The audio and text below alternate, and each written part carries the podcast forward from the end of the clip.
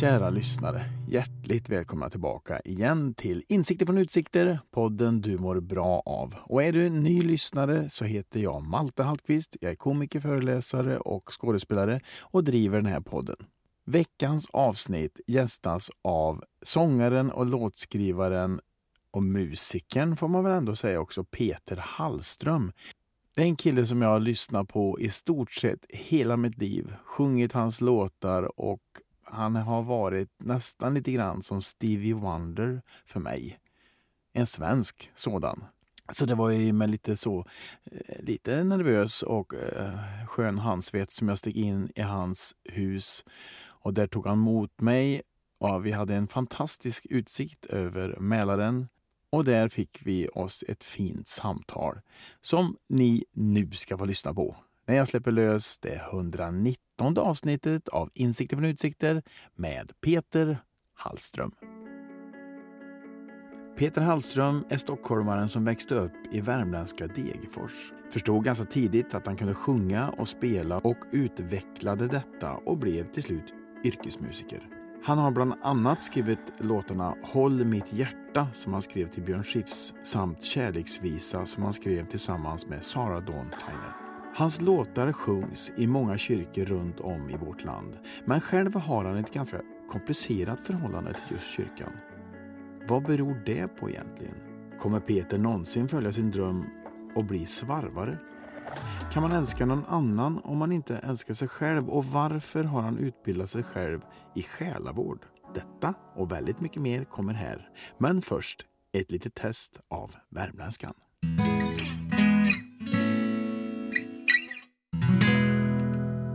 Ska vi se. Så är någonting kanske. Ja, så nära, så nära det går. Du vill, alltså, du vill ha det? Ja, gärna. En stor suck. Nej, nej, nej. nej men, det är så olika. Ja, precis. Nu pratar vi. När jag sjunger så måste jag ha liksom... Ja, det förstår jag. Annars så bottnar det. Precis. Mm. Kära lyssnare, hjärtligt välkomna till ett nytt avsnitt av Insikter från utsikter.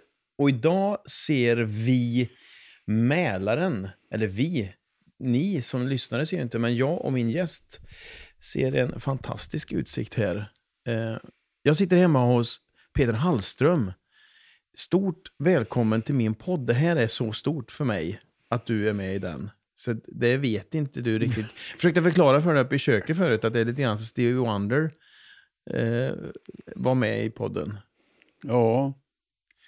Ja, ja, det har, ja tack. Jag, ta, du, vi börjar så här, du är väldigt välkommen. Tack. Det är kul. Jag, Mm. Jag har lyssnat på dig. Jag tycker att det här är kul för mig att få vara med på. Ja, Mm. Ja, för visst är det Mälaren vi ser? ja det är inloppet mot, mot Stockholm här. Ja. Och vi ser plan eh, lyfta från Bromma flygplats. För att Yes.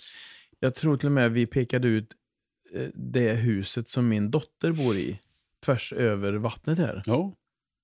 Precis rakt över så, så ligger det, nu, det är en strand där som heter Solviksbadet. Mm. Och så till höger där och så verkar det som din dotter bor. Ja. Ja, Mm. för hon bor i Smedslätten och det ligger ju Ja. precis bredvid, ja, vägg i vägg med Äppelviken som Mm. du pekar ut. Mm. Mm. Så är det. Jag brukar börja min podd med en faktaruta. Yes. Eh, Så vi, och det, vi gör inget undantag här, utan vi kör stenhårt. Mm. Fullständigt namn, Eh, Peter Berno Hallström. yrke, Ja, vad är jag för någonting? ja. Jag är, jag är, ja, jag är alltså artist och eh, låtskrivare och sångare. Eller jag sjunger, brukar jag säga. Och jag- Och så Vad är är skillnaden för dig? Jo, sångare det är sådana som sjunger allt de blir tillsagda. Och jag sjunger det som jag tycker om. Ja. ja, men du var med i Melodifestivalens kör ganska länge. Ja, ja, ja men jag ett tag. Men det är så, du vet, jag, jag börjar bli gammal nu. Men förr om åren så skulle jag nog titulerat mig sångare. Ja. I den meningen att jag liksom bara sjöng sådär. Det som jag blev tillsagd. Men sen så skrev jag ju låtar i så många år. Och då la jag av mig på något sätt det där proffssångeriet. Utan Mm. då, och då var det till och med så att när vi skulle göra demos och så, då tog vi in sångare som passade för genren och så. Ja, ja, då var inte du... Nej. Nej. Och sen så när jag började igen då, för 11 år sedan, 2012 var det ja. Så, så vågade jag börja sjunga som jag gjorde när jag var liten. Mm. Mm. Och då, det, Vad liksom, menar du med det? ja, men när jag var liten och jag är uppvuxen i kyrk, frikyrkan, alltså pingstkyrkan till och med kan man säga. Till och med, ja.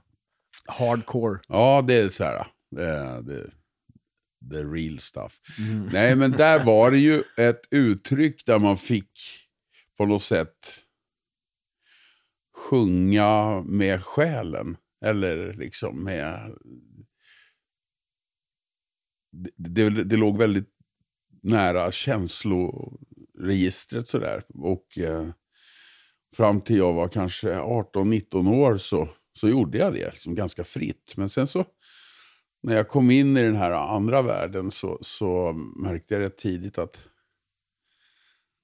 Eller rättare sagt, jag började skämmas för den typen av sång. Utan, utan, och försö eller försökte och lyckades med att jag växlade om till någon slags proffseri. Sådär. Att, att det, liksom, det läckte inte så mycket ut känslorna och liksom tolkningen av budskapet heller erbjöd ju inte det att sjunga liksom vad det var för någonting. I, i den här frikyrkovärlden så var det ju liksom förenat med någon slags förmedlande av budskap på ett sätt som inte, inte lämpade sig i mitt huvud då för Mhm. världens musik. Sådär. S- Och då, då blev det som att jag... Det var en del av mig som jag tog bort under många år. Eh, som jag fullständigt har tagit tillbaka idag. men, men Säger det, du med ett stort leende. Ja, men det, och så är det. Men det är det jag också menar då. att jag, jag måste liksom... Jag måste älska, eller älska, jag måste bli berörd av de sånger jag sjunger. För annars så, så sjunger jag inte bra. Eller bra, jag sjunger inte som jag tycker att jag ska. Då, så. Mm. Och då menar jag att en sångare, jag vill att du kommer och sjunger på min, mitt bröllop och du ska sjunga den här låten. De, då, då, då gör de det. För att de är Mer som ett sångare. instrument Ja, egentligen. precis. Och jag gör, det är något annat jag håller på med. Mm. Tycker jag själv. Då. Men sen Ja. finns det, alltså, ofta när jag pratar om det här så fattar inte folk vad jag säger. Men jag, jag, Ja, men det, jag, jag säger det med en känns- dåres envishet för att det är så jag, det är så jag ser på det. Mm. Eh, du säger att du är gammal. Vad gammal är du? Jag är då? 58 år. Jag är född 1965. Mm. Bor? Ja, det har vi nästan sagt kanske. Ja, men jag bor i... Mitt emot Äppelvik. Ja, jag bor i Hägersten. Jag bor i, Hägersten är ganska stort, men jag bor ja, i Axelsberg heter det. Familj? Ja, det- ja, stor Ja. och många. Jag har, eh, inklusive mina bonusbarn, så, så är jag, har jag sju ungar. Allt från 33 till 15. Du har fem egna. Ja, Och ganska nygift. ja nygift ja. Ja. Precis. Ehm, Nu ser Ja. ni inte, men Peter ler här för Nej. fullt. Ja, men jag, är- jag är nygift. Jag gifte mig i augusti 2022. Bara ett halvår sedan. Precis, men, men då har vi levt ihop sedan 2016 så att vi har ändå liksom Ja, ja. tränat. Förälskelsen är förbi. Ja, ja, nej, inte riktigt alltså. Det, nej, det är den inte. Jag är fortfarande förälskad. Men, eh, Underbart. men jag är liksom inte så här... eh, Nygift i den bemärkelsen att jag har ju varit gift förut och sådär. Men, men jag är lyckligt gift och Mm. fortfarande förälskad. Ja. Grattis. Tack. Hobby? Ja, alltså i, i verkliga livet så är det ju matlagningen då som, som är som en hobby. Även om jag gör det väldigt mycket. För jag, jag, det är det jag gör liksom. Laga mat? Ja, precis. Det, det är liksom det är min grej sådär. Och den har, ja. Men i, men i, i, i fantasivärlden så, så sysslar jag med, eh, jag skulle vilja kunna ja, träslöjd och svarva. Eh, svarva skulle jag vilja kunna göra. Så fantastiskt. Jag har aldrig hört någon som har sagt att min hobby i fantasivärlden är...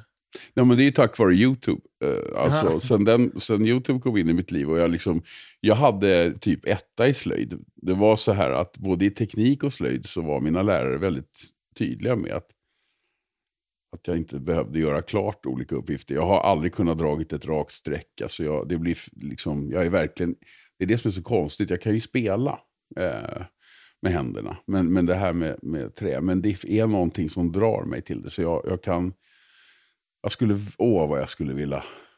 Eh, Men finns det inte kurser och så? jo men det, då, då är man farligt nära det här att du behöver inte gå här längre igen. Alltså det är ju något, det, du vet, det, det där sitter, i alltså. Mm. Då. Men, men eh, nej, annars har, alltså, nej, jag har inga hobbys i den meningen tyvärr. Eh, tyvärr säger jag, för jag skulle, jag skulle tänka att få svarva. Vet du. Det är inte för sent känner jag. Nej, och jag tänker, äh, om du går en kurs och betalar för den så, så har jag svårt att tänka Så mig att får de inte säga att jag måste sluta. Nej, de vill ha dina pengar. Ja. det kanske är det som är tricket. Ja. Ja. Ja, men då, då gör jag det då. Ja. Mm, bra. Om Då anmäler jag mig. om jag ringer dig om två veckor, har du anmält dig då?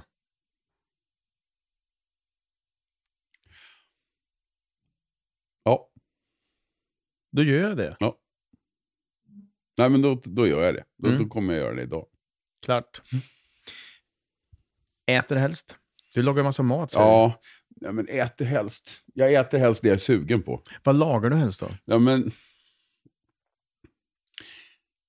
Alltså hela idén med långkok både tilltalar mig och vad Mm. heter det, tillfredsställer mig så att det smakar gott i munnen, eh, tycker jag. Ehm, De flesta som älskar att laga mat kommer till långkok när man pratar med dem.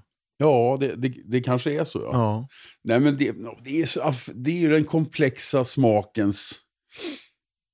Mat utan botten är deprimerande, tycker jag. Mm. Alltså- vad, då pratar vi om... Ja, men hela, hela fonderiet, liksom det som den vilar på. Om du tänker dig en ma- mat som en, en, en ljudmix, så har du ju liksom diskant, du har mid och så har du botten. Mm. Och utan egentligen någon del så, så, så blir det ju tråkigt. Men, men det jag kan verkligen inte avvara, det är basen, det är grunden, det är fonden. Därför är det svårt för mig att, att bli vegetarian. Jag behöver verkligen inte äta kött hela tiden och har dragit ner mycket på det. Men att, att inte få använda liksom en riktig grundbas i, i en mat. Och där, där har ju liksom grytans hemlighet tror jag. Att man, även om man inte har gjort egen fond så, så ska den gå så pass länge så att den, liksom, den, den mörknar i det. Det blir ett djup i den som gör att, att det blir roligt att äta. Dricker helst? Ja, kan man, jag vet, du har, det här är ingen reklamjobbigt va? Man får säga. Nej, ja. nej, men jag, jag tycker om en, en, en saft som heter Fun Light Pink. Någonting. Jag, ja, jag, jag, jag, jag gillar det. Mm. Eh, sådär. Och så har jag druckit mycket Cola Zero. Och så, och, så tycker jag om vin. Men, men inte så mycket så att jag är liksom bra på det. Men jag dricker nog helst kallt okolsyrat någonting. Vatten eller saft. Eller. Fun light. Mm, Pink. mm. Mm. Ja, den store matlagaren. ja, men jag, tänkte, jag kände också det att Mm. finsmakaren slog till med... Ja, men jag älskar makaroner och falukorv också. Ja. Alltså det är inte det. det, är, det är ingen fin, jag är inte finsmakare. Jag tycker om grejer som är goda. Ja. Mm. Du är verkligen ovanlig Peter. Ja, ja, Tycker om saker som är goda. ja. ja. ja. Vi stänger faktarutan. Är vi klara med den? Ja, eller var det något du ville komplettera med? Nej, kanske? jag bara undrar. Den, Ja, jag tror det. Familj, mat, bostadsort, mm. ålder. Ja. Och så är jag gråhårig. ja, det jag hade tagit med i Nej, hårfärg. gråhårig.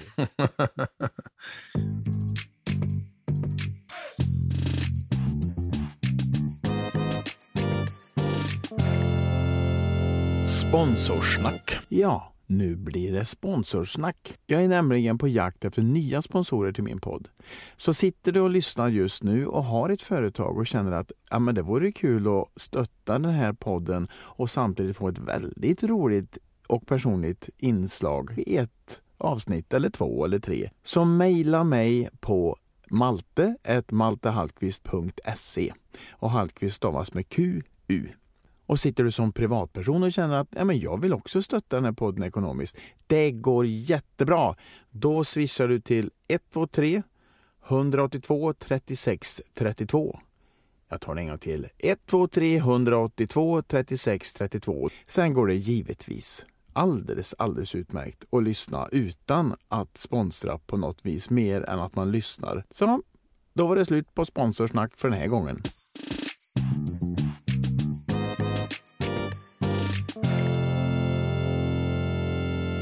Jag tänkte vi tar det lite från början. Mm. Eh, för du har gjort en fantastisk resa tycker jag ändå. Mm.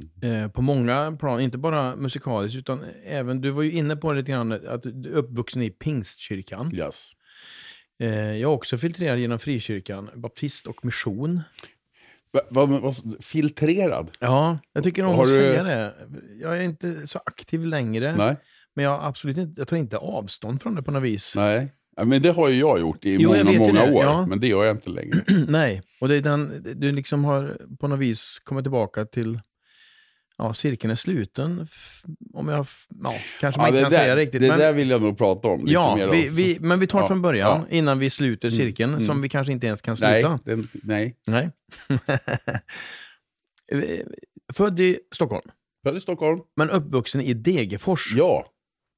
För det var, så, det var många intervjuer, både eh, i poddar och även när jag läser, så har det bara varit Värmland. Så jag tänkte, är det något hemligt?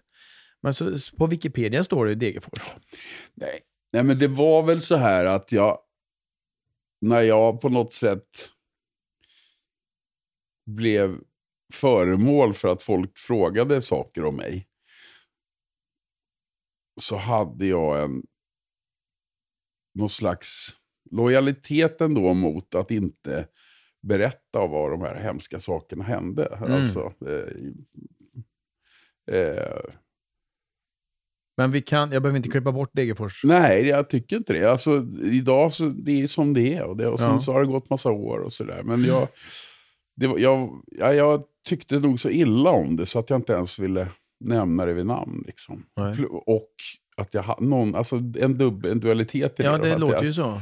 Att det fanns någon slags, jag vill inte... Någon slags hänsyn. Ja. Men, men jag kom, precis, vi kom dit, jag var väl tio år någonting. Mamma och pappa, eller mormor och morfar hade ett sommarhus i Sunnemo i Värmland. Min mormor kommer ifrån Råda, norra Råda då, som ligger mellan, vad ska man säga, Höje eller... eh, Ganska nära Uddeholm. Hagfors, kan man säga. Och de köpte på 40-talet en, ett, ett torp uppe på ett berg på, i Lidsjön. Och där, där, där var vi i princip varenda sommar hur länge som helst. Och när mamma och pappa på 70-talet blev eh, inspirerade av den så kallade gröna vågen eh, som rådde, att man skulle flytta från stan ut mer på landsbygden. Så, och vi skulle få närmare till vårt landställe. Så fick pappa jobb som en möbelaffär i, i Degerfors och, och fick vara pianist i kyrkan och sådär. Så att det var, ja, de tog det steget och vi följde, vi var ju barn, vi följde med. Mm. Ja, som tioåring har man väl inget att säga till om det? Nej, inte jättemycket. Nej. Och du, du säger att det hände en massa hemskheter. Kan du ta med oss i det där? Va, va, hur upplevde du din tid i kyrkan? Ja, men det, det, den var, det, ja, men det, är större, det är mer än så. För att min tid i kyrkan... Det, jag passade liksom inte in där. Jag, jag, jag förstod inte riktigt. Eller rättare sagt så här. Jag trodde, på, jag trodde på varenda ord de sa. Mm. Eh, jag trodde att allt, liksom, för att de förmedlade det på det sättet att det här är, så här är, det här är sanningen. Mm. Jorden är 5000 år gammal. Om nåden är oändlig men villkorad. För att om du inte följer de här liksom, reglerna, om du syndar och går på bio och håller på med tjejer och ljuger och alltså vad, alla de här syndets dåliga grejerna. Om, då hamnar du i helvetet. Eh, och det trodde jag på. Mm. Samtidigt som, och framförallt det här med att man liksom skulle stå för att man var liksom en kristen. Och bekänna det. Och jag pallade inte det för att jag, jag eh, vi kom ju då från Stockholm och sen så började jag i skolan och så var jag tjockis och så var jag stockholmare och frireligiös. Det, det, det, det Du- sämsta du som man kan ut. vara i en, i en bruksort. Så att första åren, liksom, inte i skolan, men liksom på väg till och så där så var det killar som hade koll på mig som ja, stannade mig och slog mig. Och, och, eh, så jag liksom på något sätt var tvungen att säga nej jag är inte kristen, jag tror inte på det där. Och liksom, I den stunden då så, så visste jag att jag liksom skrev på min egen helvetes Mm. resebiljett. Eftersom i kyrkan sa de att den som gör precis som du gör, det går illa. Så det var liksom... Jag vantrivdes och, i kyrkan för att, för att det var... Till, alltså, till slut så insåg jag att det här det kan inte stämma. Alltså det, det, det måste vara något fel på det här. Så det, det, jag kom ju ur liksom det här att jag trodde på allting. Men under tiden jag trodde på allting så, så, så var jag ändå tvungen på något sätt att förneka det där. Och, och det, det blev ju ett oerhört... Jobbigt Ja. dubbelliv. Det var inget bra alltså. Nej, och jag vet också att du eh, ganska ofta smög in till dina föräldrar och sov vid, vid deras fötter ifall visst. att Jesus Ja, skulle komma ja, tillbaka. Ja, ja. Jag hade hela tiden koll på det. För jag visste ju att jag var körd. Alltså det var det, det, det hade jag nog aldrig något hopp om ens. Att jag, Du skulle till helvetet. ja, ja, ja. Ja, ja. Och jag bara var så orolig då för att det skulle ske. Liksom. Och, och just i våran kyrka i alla fall så var det väl på många kyrkor, fram- framförallt på landet i eller kyrkor ska jag inte säga, men i många sådana där starkt evangelikala, liksom bibeltrogna sammanhang så pratar man ju hela tiden om att nu kommer Jesus snart. Alltså nu, är det, nu pratar vi kanske månader här och det var alltid någon som profeterade då som det hette att se sig Herren, nu är jag på väg, var redo. Och så, du vet, så, och jag visste ju att jag inte skulle få vara med och jag tänkte att hellre så ser jag när det sker än att jag vaknar och Du såg borta. givetvis filmen som en tjuv om natten. Ja, det gjorde jag. Det gjorde vi ju. Ja. Och för er som inte har sett den så är det ju verkligen sånt, ett fruktansvärt slut egentligen där, där Jesus har kommit tillbaka och eh, jag vill minnas att det är, pappan är då upptagen till himlen. Hans rakapparat ligger och surrar i Ja. handfatet. Ja. Men något barn är, blev kvar. Ja, och någon fru och så. Mm. Bilar som krockar. Mm. Ja. ja, men så var det. Så, det var så för mig. Eh, och, och så, så var det, har det ju visat sig då under de här 10-11 åren som jag har varit som jag har pratat om det, liksom, så var det så för många. Ja. Ja, jag, en annan sak som jag aldrig förstod, liksom, det var som att hur... Jo, men det, ja, det, har- det har väl med det här bokstavstroende att det skulle bli så fantastiskt och gator av guld och mjölk och honung och allt vad de pratar om. Jag, jag, Mm. jag var inte så road av det. Alltså, jag, det ville inte jag. Jag ville leva. Jag ville bara Ja. liksom, simma i, i, i, i möcken och Mm. fiska och spela Gator trummor. av guld är inte din grej. Nej! det ser man ju på alla såna här. Nej, nej, usch, nej, det, nej, nej jag, var inte, jag ville inte det. Och jag tyckte det var så märkligt hur man kunde längta ifrån den här liksom, världen på något sätt. Det här, det här spelar liksom ingen roll. Vi ska till himlen. Alltså, uh, nej. Du ville leva. Jag ville leva. Men det tog ju sig ganska, till, till och med fysiska uttryck, att du Ja. kräktes. Ja, precis. Nej, men jag... När det blev sådär, det, det här är ju... Jag har än idag inte sett någon film eller teater, eller egentligen heller läst någon skildring av hur hemskt det kunde vara. Alltså de här så kallade eftermötena då, när, när eh, det här, blir, det här är ju internt. För lyssnare som inte har någon relation till det så är det ju väldigt svårt att förstå. Men det var i alla fall så att, att på de här gudstjänsterna som var liksom lite den typen av liturgi så, så var det uppbyggt med att det var liksom någon sångare som sjöng och så var det någon som vittnade om hur härligt det var frälst och så kom en predikant som var matade liksom massa sådana här ja, ni ska vara redo. Alltså, jag kommer aldrig glömma någon, det var någon gubbe som, som kom i kostym och, och sjöng några låtar och så berättade han och predikade. Och så, när han skulle få oss då att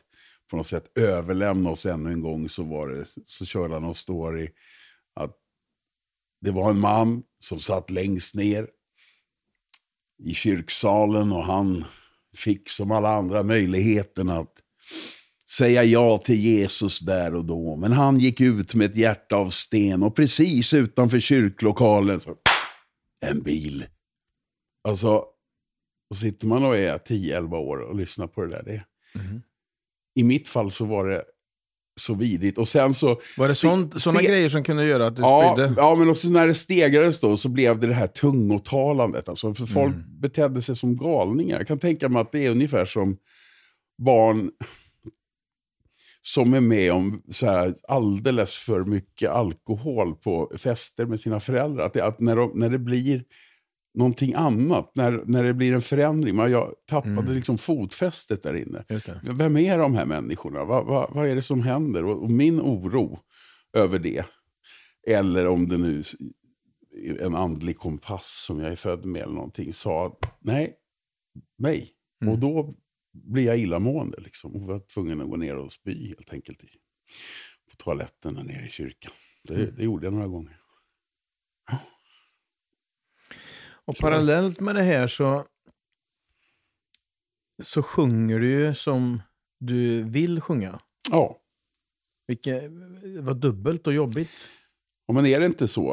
Alltså, jag, tänker, jag, jag, har, jag har ju varit i kontakt med mycket människor som för jag har ju ansett, jag hoppas att, att, att det här samtalet också mynnar ut i att, att det går att försonas med det. Men om vi nu mm. pratar mm. Om, om det så, så... Alltså, att vara utsatt för övergrepp egentligen, vad det än är eh, för typ av övergrepp. Jag anser att jag har varit utsatt för andliga övergrepp. Så, så i någon mening så vill man ju ändå skydda förövaren. Sådär. Mm. Och när du säger andliga övergrepp, är det sånt du har eh, förklarat nu eller är det något annat?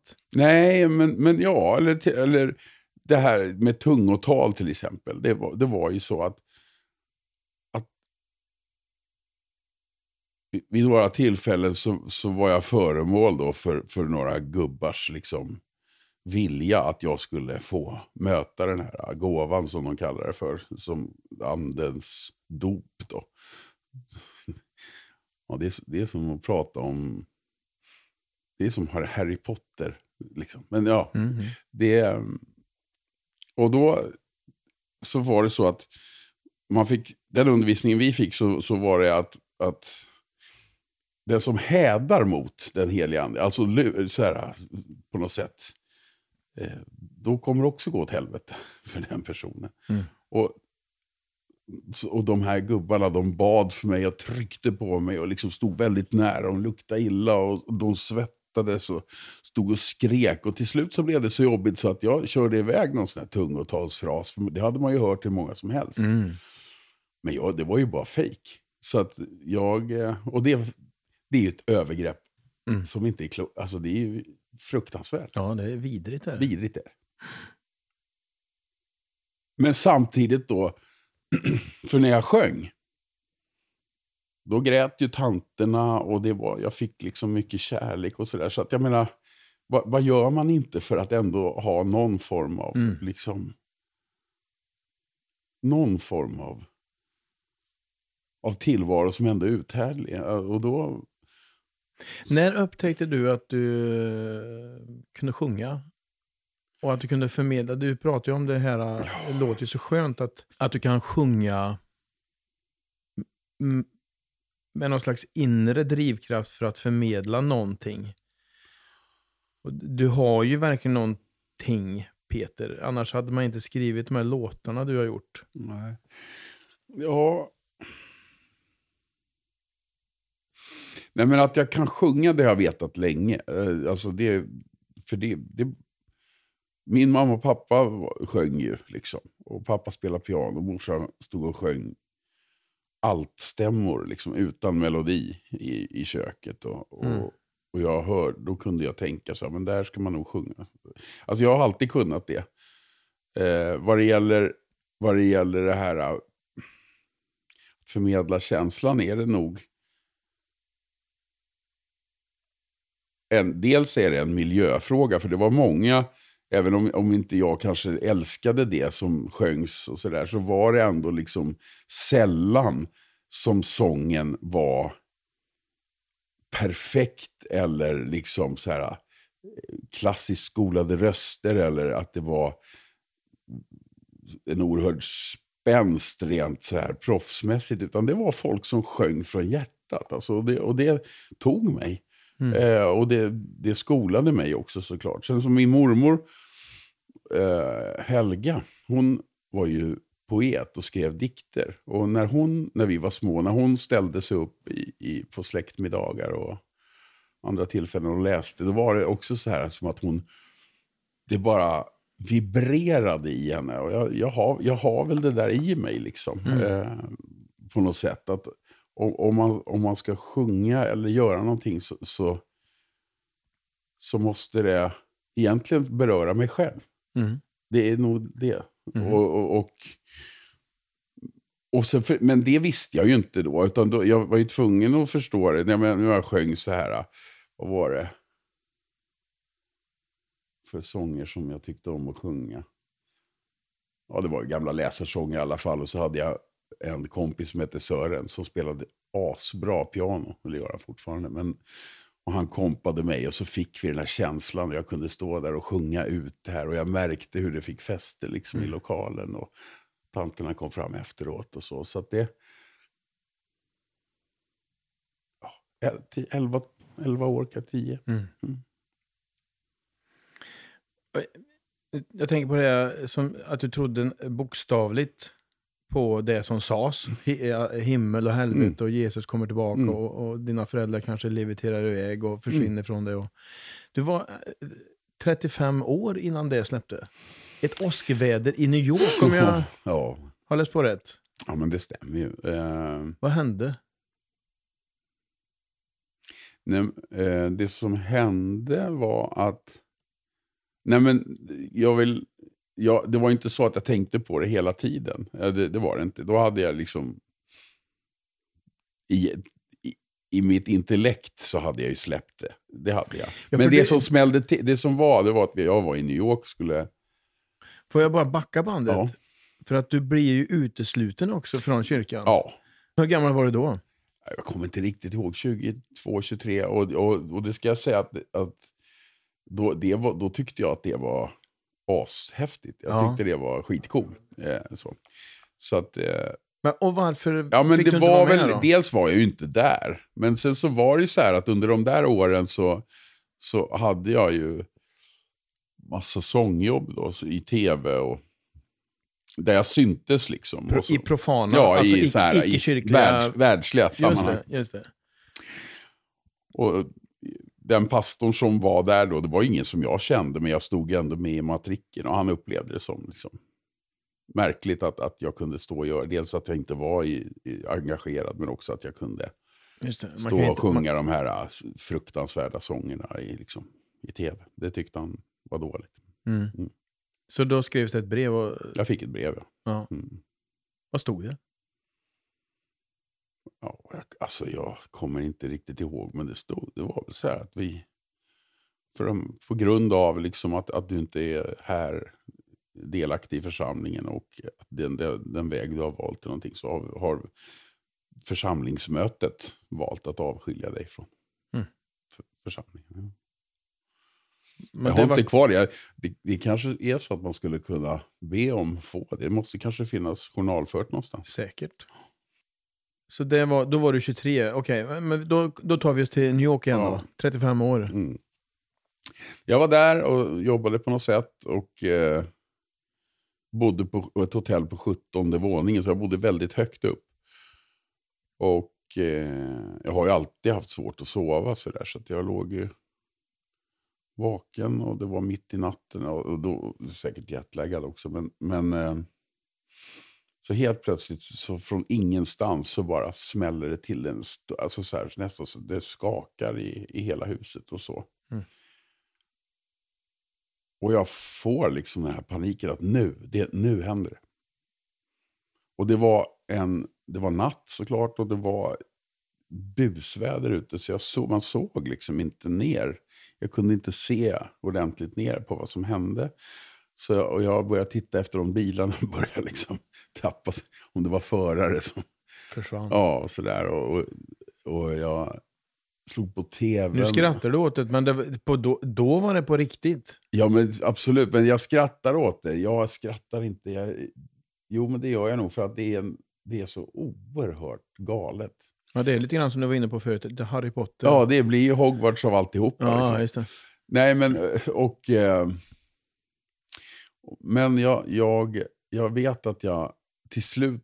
Eller jag, jag såg, det, det var inga breaking news på tvn och jag ringde hem till min dåvarande hustru. Och, för jag hade, jag hade någon slags idé om att barn, barn, alla barn kommer till himlen. Och sen så ringde jag till, till, till henne och frågade ifall min dotter, är hon, är hon hemma? Ligger hon i sängen? Mm. Och det gjorde hon såklart. Och så, så eh, lugnade jag ner mig på något sätt. Alltså, eh, och på morgonen där då så var det så här, nu, nu får det vara nog. Mm. nu måste jag lösa det här på något sätt. Liksom. Ja, och hur löste du det då? Hur frigör man sig? Ja. Du har ju ändå tränat i nästan 35 år på att allt är sant. Mm. Ja, men om, om jag ska vara så här brutalt ärlig så, så, så finns det nog fortfarande spår av liksom vad som är att vara riktigt kristen. Alltså jag, det ligger nog väldigt, väldigt långt ner i min hjärnbalk eh, så. Eh, fortfarande. Men Ja, den som... känslan har jag. Jag tänkte på det när jag såg ett program som heter När livet vänder. Anja kan, kontor. Ja. Och då, då uttryckte det att det var där det vände. Och jag kände att nej, ja, jag undrar om det har vänt helt. Ja.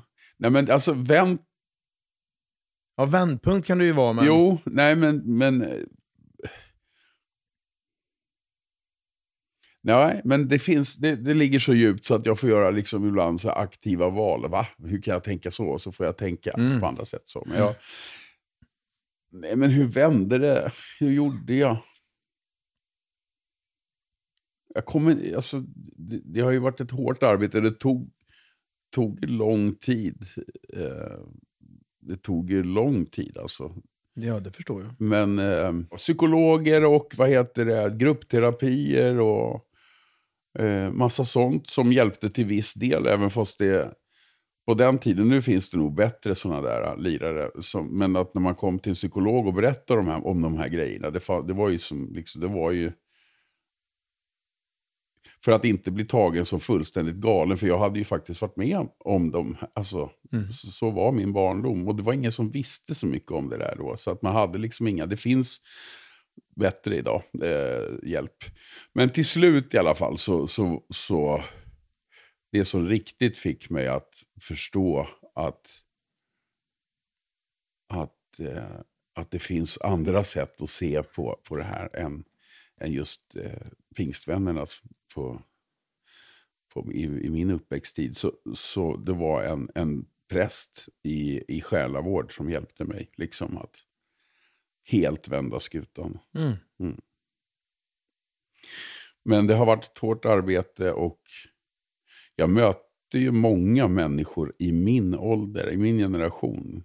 Framgångsrika människor med liksom allt du kan tänka dig i, både pengar och makt och, och arbetsliv och vad det kan vara för någonting som fortfarande ligger och skakar på nätterna. Så det, ja, det tar, det tar tid. Alltså. Mm.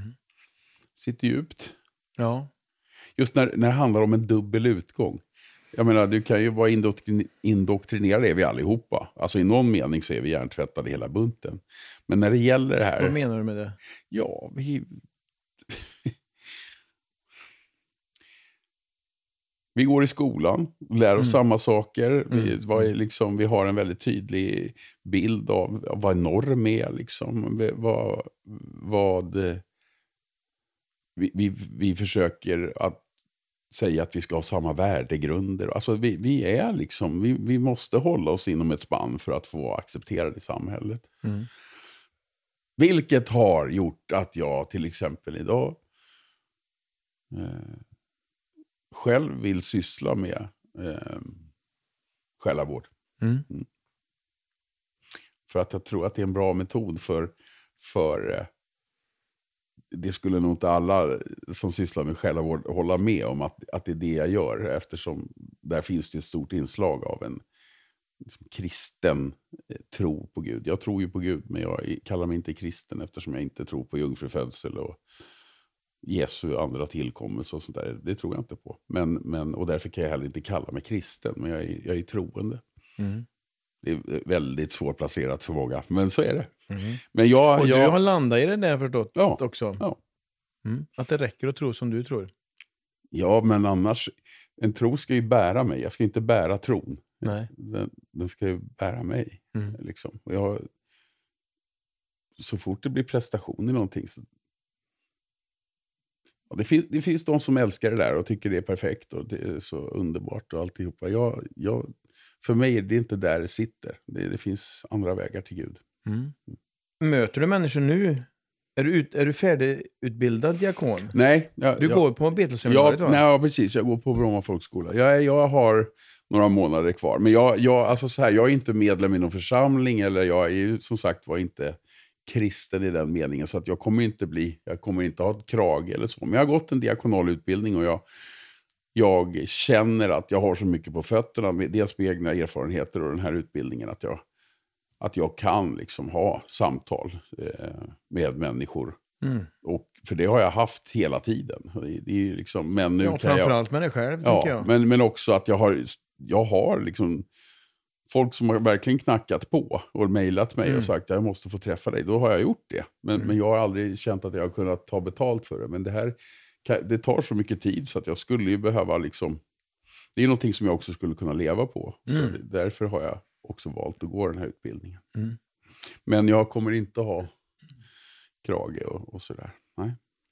För du säger att du tror på Gud. Vad är det för Gud du tror på då? Alltså, det beror ju på vad, man, vad, vad det är för gudsbild. Jag, alltså jag, Det får gärna vara du, du, du tyckte att det var svårplacerat och sånt och nästan bad om ursäkt för det. Det, det känner jag inte. Utan ös på bara. Det är ju superintressant. Vad Mm. tror du på? Vad tror jag på? Jag tror på, att, jag tror på kärleken. Mm. Alltså som grundidé. Sen så, så misslyckas jag ofta. Inte minst nu när det är med kriget. Jag, känner, jag kan känna ibland ett ganska stort hat och, mot de här människorna som, Mm. som gör såna här vidrigheter mot andra. och så. Där, där har jag svårt att känna kärlek inför. När man liksom på något sätt kränker det okränkbara som jag tycker att de gör. Mm. Men jag, tror, jag, jag vill tro att, att det hänger ihop på något sätt. Att det finns en kraft som, som är en, oändlig. Där, där vi alla är en del av. Att, att vårt möte här liksom, i någon mening är gudomligt. För att vi, vi möts och, och pratar och, och når varandra och skapar en relation. Och där uppstår för mig någonting som är större än vad jag är i alla fall. Mm. Gud har, i, i- min Gud har inget kontor eller bestämmer över ont och gott. Eller liksom vad, vad, vad som är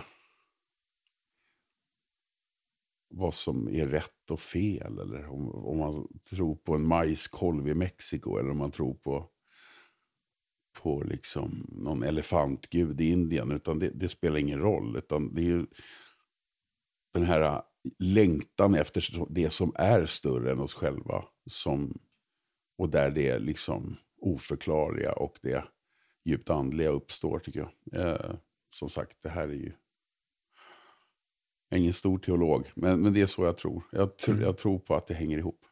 Mm. Och vill vi ta den bollen.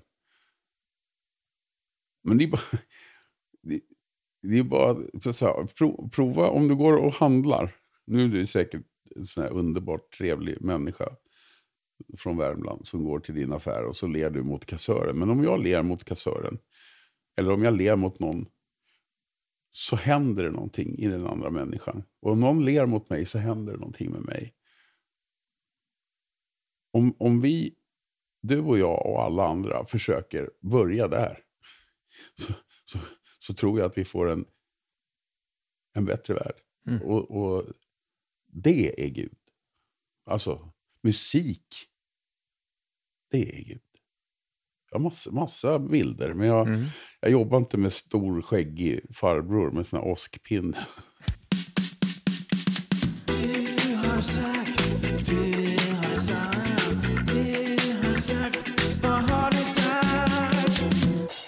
Vad var det du sa? Du har lyssnat på min podd. Så Ja. då vet du att jag har en liten pusselbit som heter Du har sagt. Mm. Eh, så jag tänkte, en del har vi nämnt här redan. Mm. Men jag tror jag har några kvar. Okej. Ehm, är du redo? Ja. Kyrkan stal mitt sexliv. ja. Ja. På vilket sätt? För att det förenades med sånt, eftersom jag såklart inte kunde göra som de sa där heller, så föddes det en oerhörd ångest efter varje liksom, sexuellt möte. Mm. Vilket gjorde att det blev någonting fult. Och hur gärna och hur mycket drifter jag än hade.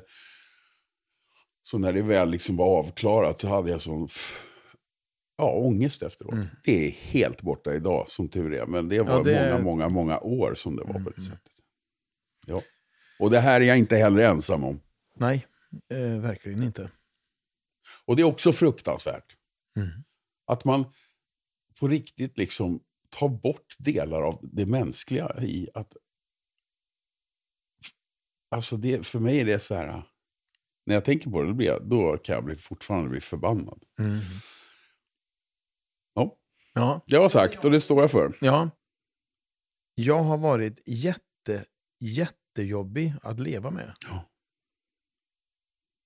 Jag har i och med, och det här är ju saker som jag har tittat på i, i, i samtal och terapi, själavård, men också mycket i, i självhjälpssammanhang. Jag har ju, jag har inte varit med i AA, men jag har gått och utbildat mig också nu i eh, sån här tolvstegs självhjälpsgrupps eh, historia som heter Livsstegen. Och där har jag fått verkligen bearbeta. Och jag förstår att jag har, ju, jag har aldrig tyckt om mig själv. Aldrig tyckt om mig själv. Eftersom jag hela tiden liksom har gjort saker som jag har lärt mig att man inte får. Och jag har inte fått den liksom möjligheten att, att vara stolt över mig själv eller att tycka om mig själv. Och det, och det gör att, att människor som har försökt att vara nära mig och som har sagt att de älskar mig så har jag inte trott på det eftersom jag vet att det är inte möjligt eftersom det är som det är med mig. Mm. Och det är inte lätt för människor att leva nära en sån människa som inte på djupet tror på att, Att man duger. nej. Och det är grundproblem. Sen har jag massa andra problem också för att jag är knäpp. Men, men liksom grund... Vad grund... menar du med det? Nej, men jag, är, jag är ju liksom kategorisk och jag är slarvig och jag är, kan vara så här rufflig och bufflig. Och, och Som vi i Värmland säger, böskorv. Ja. ja, varför inte?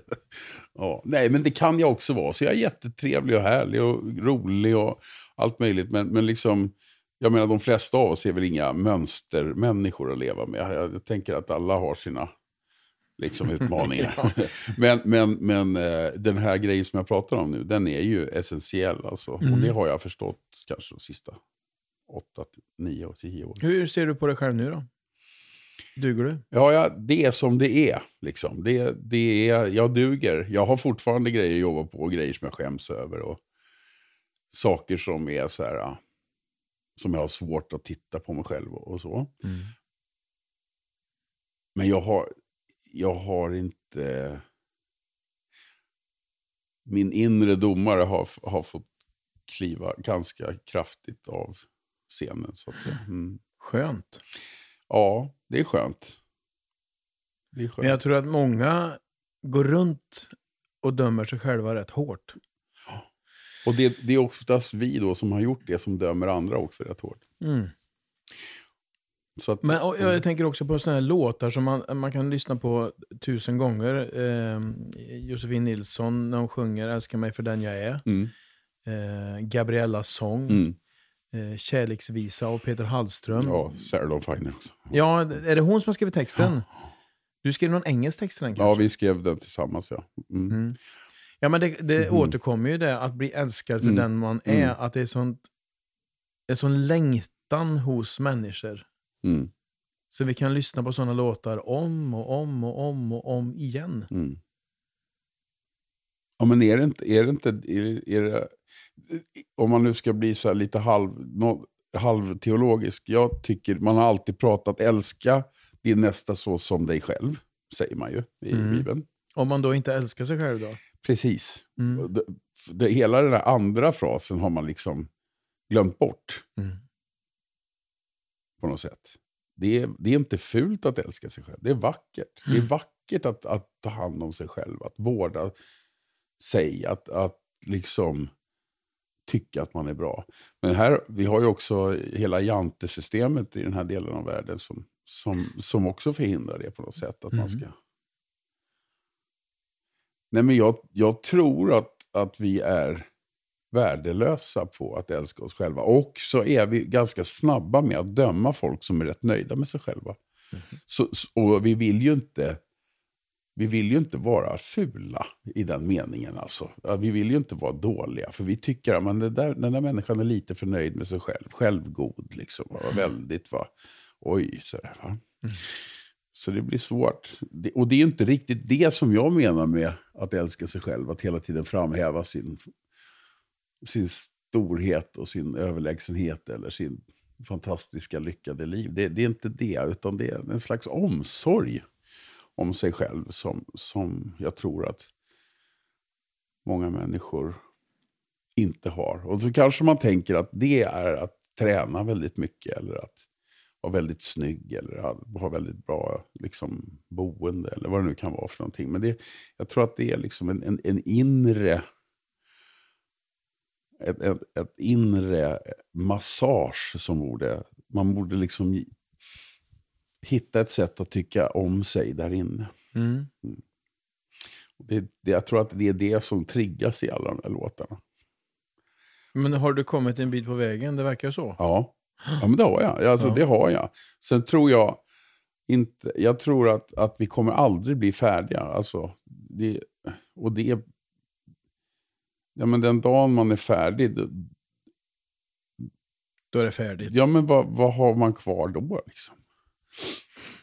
Ja. Men, men, men det går att ha ett, det går att,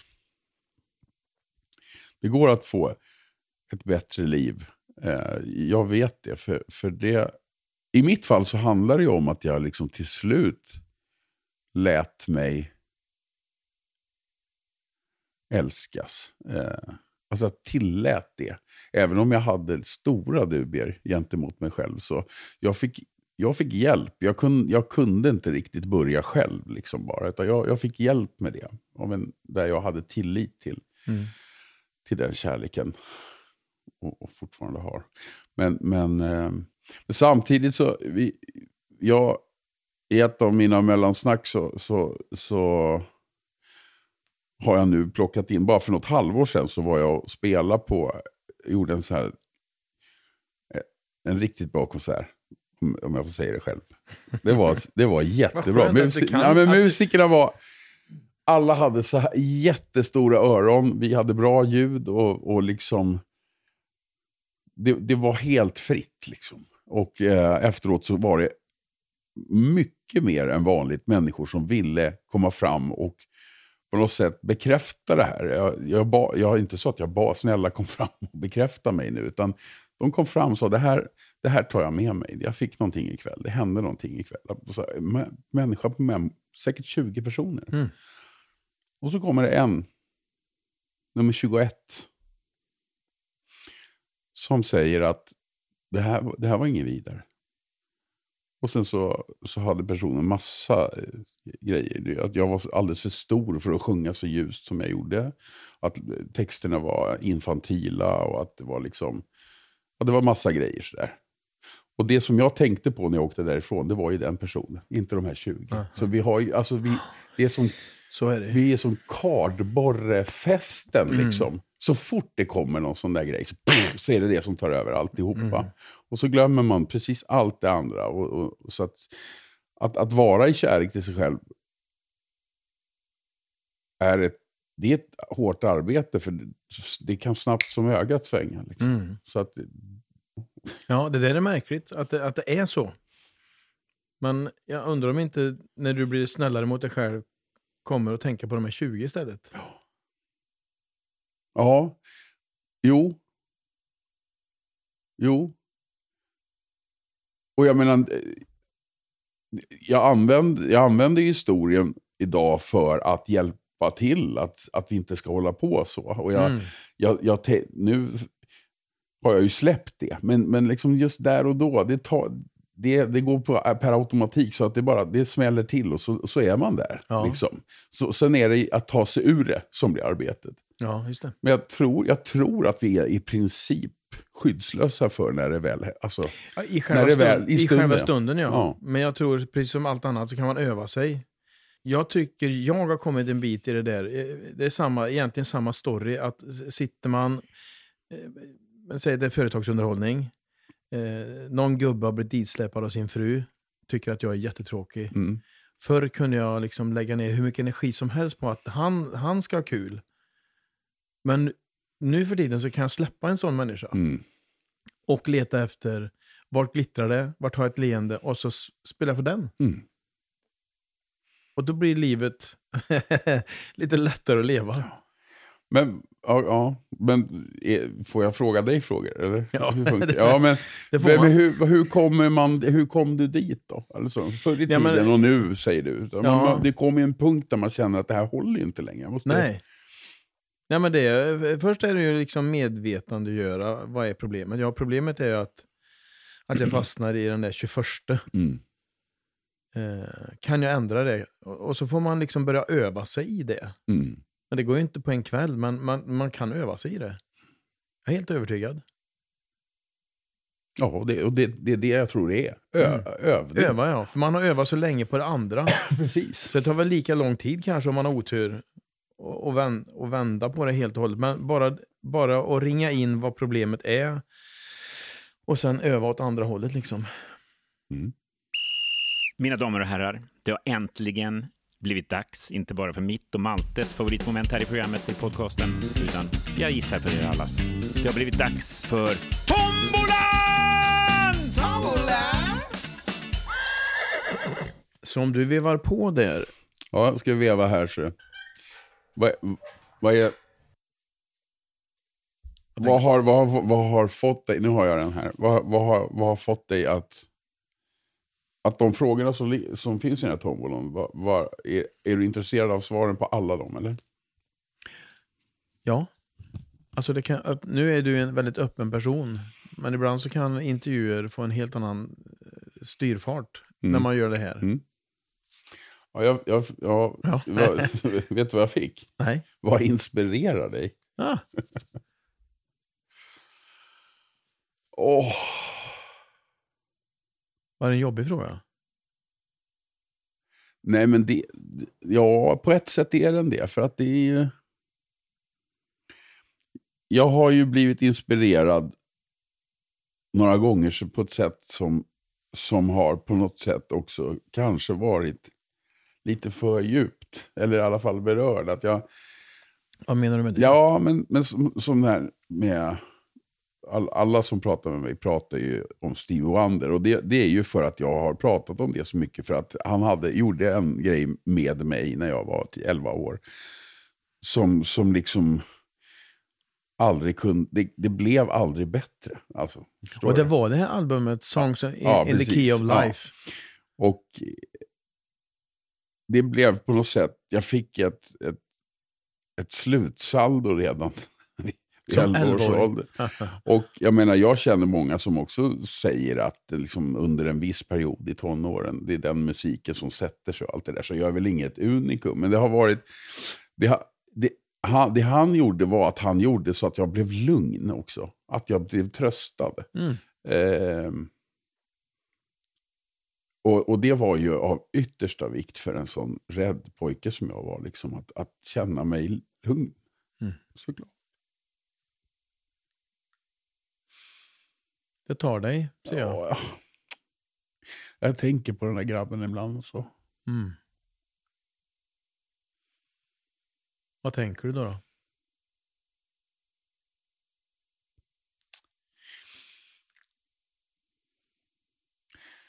Det är liksom inte schysst att, att, att, att, att ett barn ska behöva vara så rädd. Nej.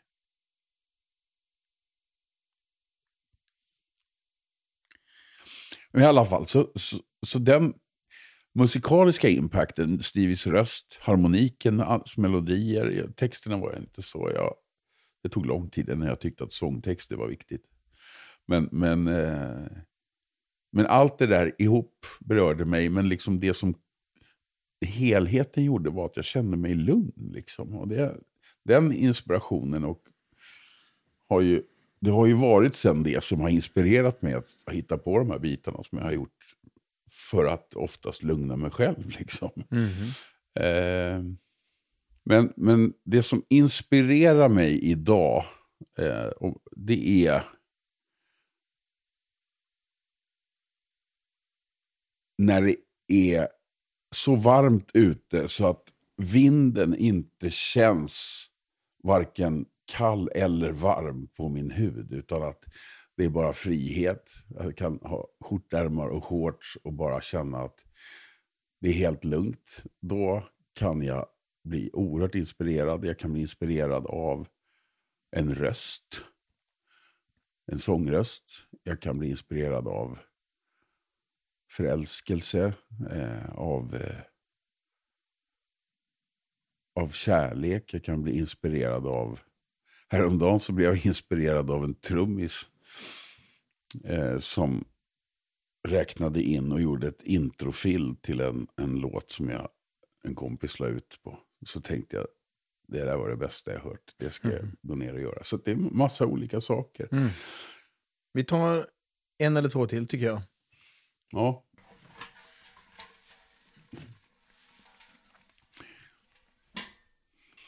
När jag mår riktigt, när mår du riktigt bra? När jag mår riktigt bra, det är när jag har mina nära och kära runt middagsbordet. Och jag har lagat mat och så sitter vi och delar kring hur vi har haft det på senaste tiden. Och hur jag, när jag ser att de runt omkring mig mår bra eh, i att vara människor. Eh. Och så mår jag bra när vintern är slut. Och så mår jag bra... Mår du dåligt av, av vintern? Ja. Jag tänkte just det här att du vill ha temperaturer där man inte känner varken varmt Ja. eller kallt. Ja. Fel, fel land. Ja, ja, ja. Absolut. Men, men jag, bor här. eh, Och det, Mm. det, det är som det är. Men, men, men det, det är en... Ja, det har varit en plåga, men det, det blir bättre och bättre också för den delen. Men, men, eh, nej, men alltså, vår och sommar, tidig höst, det tycker jag om. Att vara med dem jag älskar. Mm. Och det här stunden. När man har släppt 21 där som vi pratade om förut. Och så när, man Mm. sitter, när jag sitter och spelar och så hör jag mina medmusiker hur de lyssnar och fyller i där det behövs. Och där jag kan släppa när jag vill och när jag kan gå på när jag vill. Och när det är fritt att sjunga, då är det, då är det liksom... Då är det öppet. Då, då, är det, då är det som att vara... Det är den himlen jag längtar till. Mm. Inte gator av guldhimlen. Nej. Mm. Fint sagt. Ska vi ta en sista? Ja, vi gör det.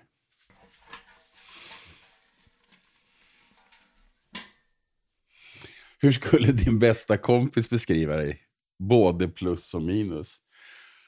Eh, Min bästa kompis Ville skulle säga att jag är en, en bra vän. eh, Att jag är... Jag får honom att skratta.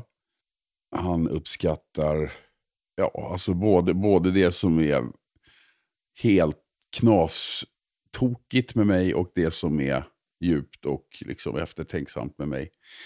Han skulle tycka på minussidan att jag är på vissa, alltså som han, han uttryckte det väldigt tydligt just vid ett tillfälle där han sa att till min, en av mina döttrar, din pappa han är en helt fantastisk människa. Men han har också enorma luckor. det är fint sagt. Och de här luckorna, vad står Nej, men han, ja, liksom så, blankett eh, problematik. Jag, kan, jag har papper, hela liksom myndighetsgrejen, alltså allt som har med redovisningar och öppningar av kuvert att göra. Alltså, jag är helt värdelös på det. Eh, Att kan vara lite stru, alltså, strutsbeteende, jag har svårt att ibland säga, vad, ska, vad man kalla det för? Jag har svårt att, alltså, jag, jag har svårt att göra som jag har sagt ibland. För att jag, det händer någonting som gör att jag inte orkar och så slingar jag mig ur. Och så jag är lite, lite opolitlig och så, och så helt fantastisk, skulle jag nog säga. Mm. Vilken fin sammanfattning. Vi stänger tombolan.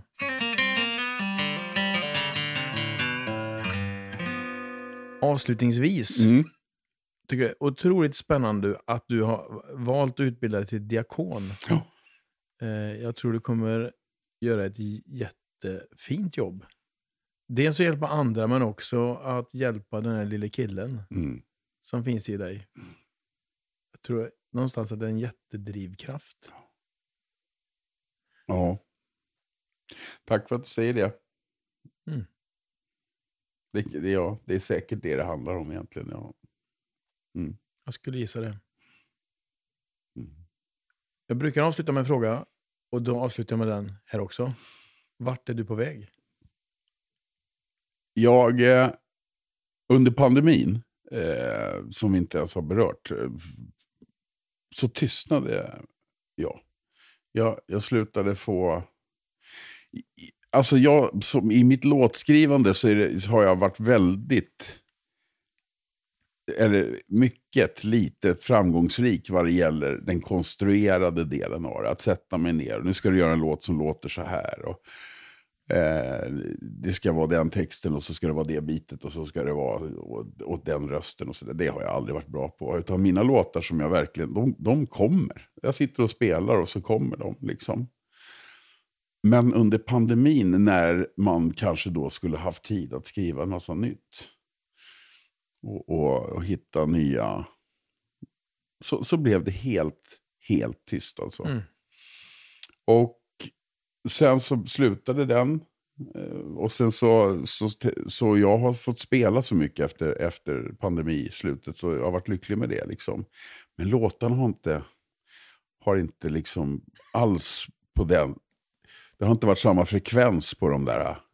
Och inte heller samma lust att sätta mig ner och lyssna efter. För det var det egentligen som var min stora grej som låtskrivare. Att jag, att jag kände när det var på gång. Det Mm. var som att, att, att jag det jag, jag behövde göra det var redo liksom, när det kom. Sådär. Men jag, jag har kanske inte ens gjort mig redo eh, riktigt. Och inte satt mig ner och lyssnat efter och sådär. Men, men, eh, och, men det är ju någonting jag längtar efter för att det är, det, är det, det är det mest häftiga, det är det häftigaste av allt. Liksom, när det kommer en sång som, som, jag, som jag förstår är någonting som kan göra mig lugn igen. Ja, det har vi det här, liksom, att det som är det läkande i det. Och, eh, och det som hände med mig då. Men, men eh, nu förra måndagen så var jag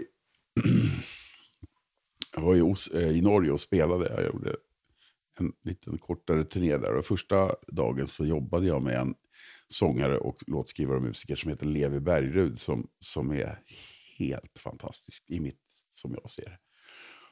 Och vi fick till en låt som var sådär, ja, som var sådär. Mm. Och eh, hade du bara frågat mig för några veckor sedan så hade jag sagt att ja, men jag, jag ska nog eh, börja mer och mer med det här med, med själavård och med självhjälpsgrupper och att utbilda mig ännu mer i, i livsstegen och sådana saker. Men, och det ska jag göra också. Men, men just nu så känner jag att nej, men jag kanske kör ett varv till. Alltså. Skriver lite ny musik och tillsammans med, med folk som jag har längtat efter att få jobba med. Och, så att det kanske inte är riktigt över än. Så, så, så det där... Så det också då, vad som inspirerar mig, det är att möta människor som, som kan hjälpa mig att hitta tillbaka till det som, Mm. som är liksom kärnan, källan. Stort lycka till med det. Jag ser verkligen fram emot nya låtar av Peter Hallström. Tack. Och stort tack för eh, härligt samtal Mm. här med Mälaren som, som bakgrund. Mm. Eller förgrund kanske man ska säga. Ja, eller fond. Du vill, du vill ju spela. Ja, alltså eh, både och. Jag vill gärna spela. eh, men det känns också som att spela med Stevie Wonder. Men vi, nu är vi Nej, det. det får du lägga av. Det, Alltså du har ju gjort massa, massa låtar jag älskar verkligen. Och, och den här låten eh, var det en kompis till mig som heter Mikael Fahlén som eh, sa lyssna på den här. Den är salig för en stund. ja, just det. Jag tycker det det är också någon slags målbild kan jag tycka. Ja. Att, att vara lycklig jämt, det kan man inte vara. Men det här handlar ju om att då och då så känner man att gud vad gött. Det, som är, det som, som är häftigt tycker jag med den låten, ja, det är ju det här om man... Jag har ju verkligen haft perioder i livet som har varit mörka. Mm. Och, och inte minst då om man liksom inte går så djupt in, utan vinterperioden. Den är ju för mig liksom... Ja, det är en utmaning. Mm. Men när den på något sätt, när det händer något, det kommer en solig dag, eller det blir ett snödropp, eller när gruset kommer ner mot asfalten och smälter och avger den här torkade gruslukten som bara gör mig så här lycklig. I den saligheten, då, på något sätt, då glömmer jag precis allt. Då finns inte det mörka längre. Och den lilla sekunden Mm. fyller på något sätt på mig. Så, och gör att jag orkar lite till. Mm. Och, och det, den saligheten, är, på, det, då är ju den för mig alltså, den är livsviktig. Tror inte på konstant lycka. Eller det, det, det är inte det. Men liksom att i alla fall få uppleva. Ja, men det, det är samma som jag pratar om. När är du riktigt, när mår du riktigt bra? Men när man sitter och spelar. När jag är med, med de som jag älskar. Alltså det här när det är, när det är noll friktion. Liksom. Mm. Och, och just då att, att, att den här det eviga mörkret på något sätt bara glöms. Det finns inte längre. Och, och det, är, det är häftigt alltså. Det, är, och det, det fyller på så pass som man kan ta några steg till. Mm. Det handlar den här låten om. Och den ska du spela tillsammans med mig nu. Ja, det här är ju precis. så stort. Hur gör vi nu då? Nu, Vi får flytta runt lite mickar och grejer. Versen börjar på... G-moll. Nej, S. Denna vinter har varit G-moll ja. Alltså, ja, precis. Denna vinter har varit G-moll. Sen Ja. S. Sen hem till bäst. C-moll. Sen S. Ja, just det. Och så F.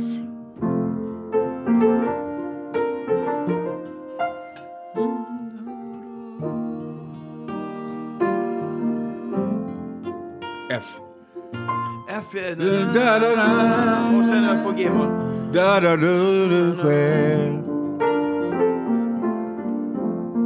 Jag ser himlen igen F. När jag bara salig Nu ska vi sjunga en av dina absolut bästa låtar, tycker jag. Eh, Salig för en stund. Eh, och så får jag vara med. Ja, det är klart. Så nu kommer jag vara salig för en stund. Alla, alla, som, alla, som, alla poddare som kommer hit får sjunga en sång med mig. Det ingår. Ja, det ingår. Mm. Ett,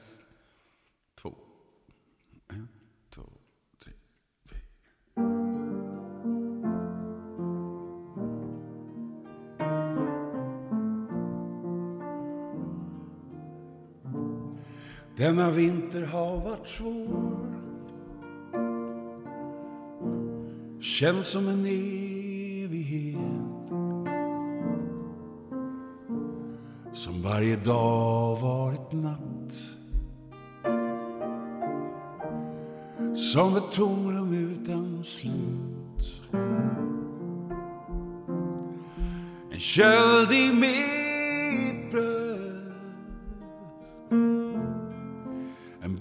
frusen själ Som rimfrost i mig.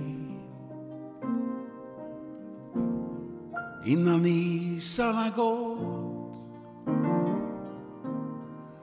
Och jag är salig för en stund. Jag är lycklig för ingenting särskilt bara detta att äntligen andas igen. Som om ingenting hänt.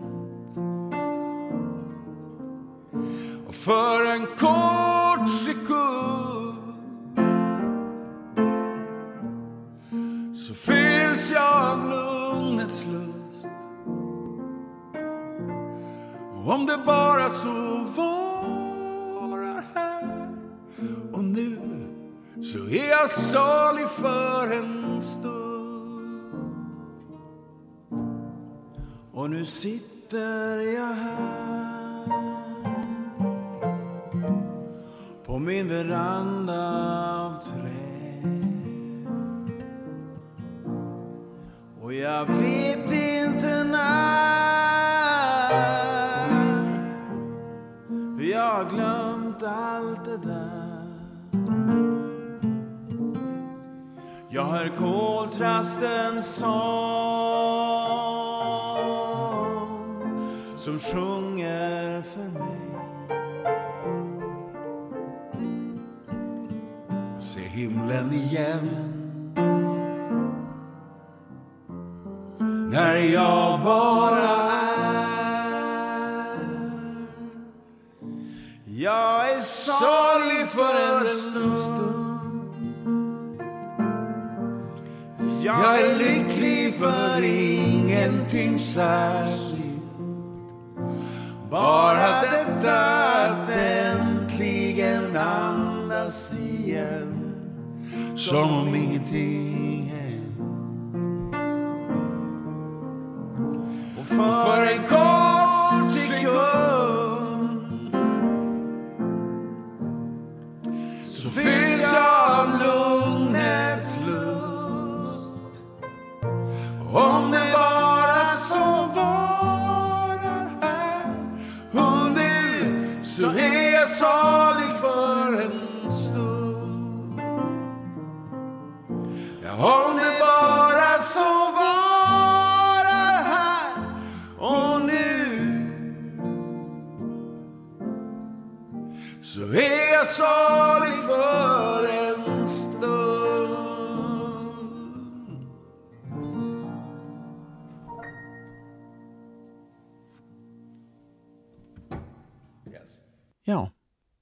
Peter Hallström det.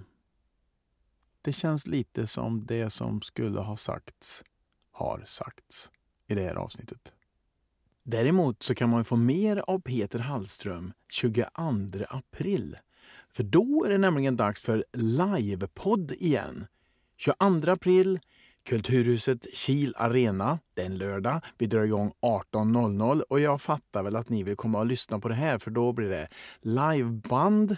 Eh, Peter kommer prata vidare om sitt musicerande. Så kommer han att sjunga också. Dessutom så kommer Daniel Sjöberg, skådespelare och sångare som har varit med i podden och han kommer prata om sina föreställningar kring Bellman och Ted. Och kanske får vi lyssna på någon låt just ifrån de föreställningarna. Ni fattar ju, det är fika, det är högt i tak, det är varmt, det är kärleksfullt. Som sagt, liveband. Jag kommer vara i toppform!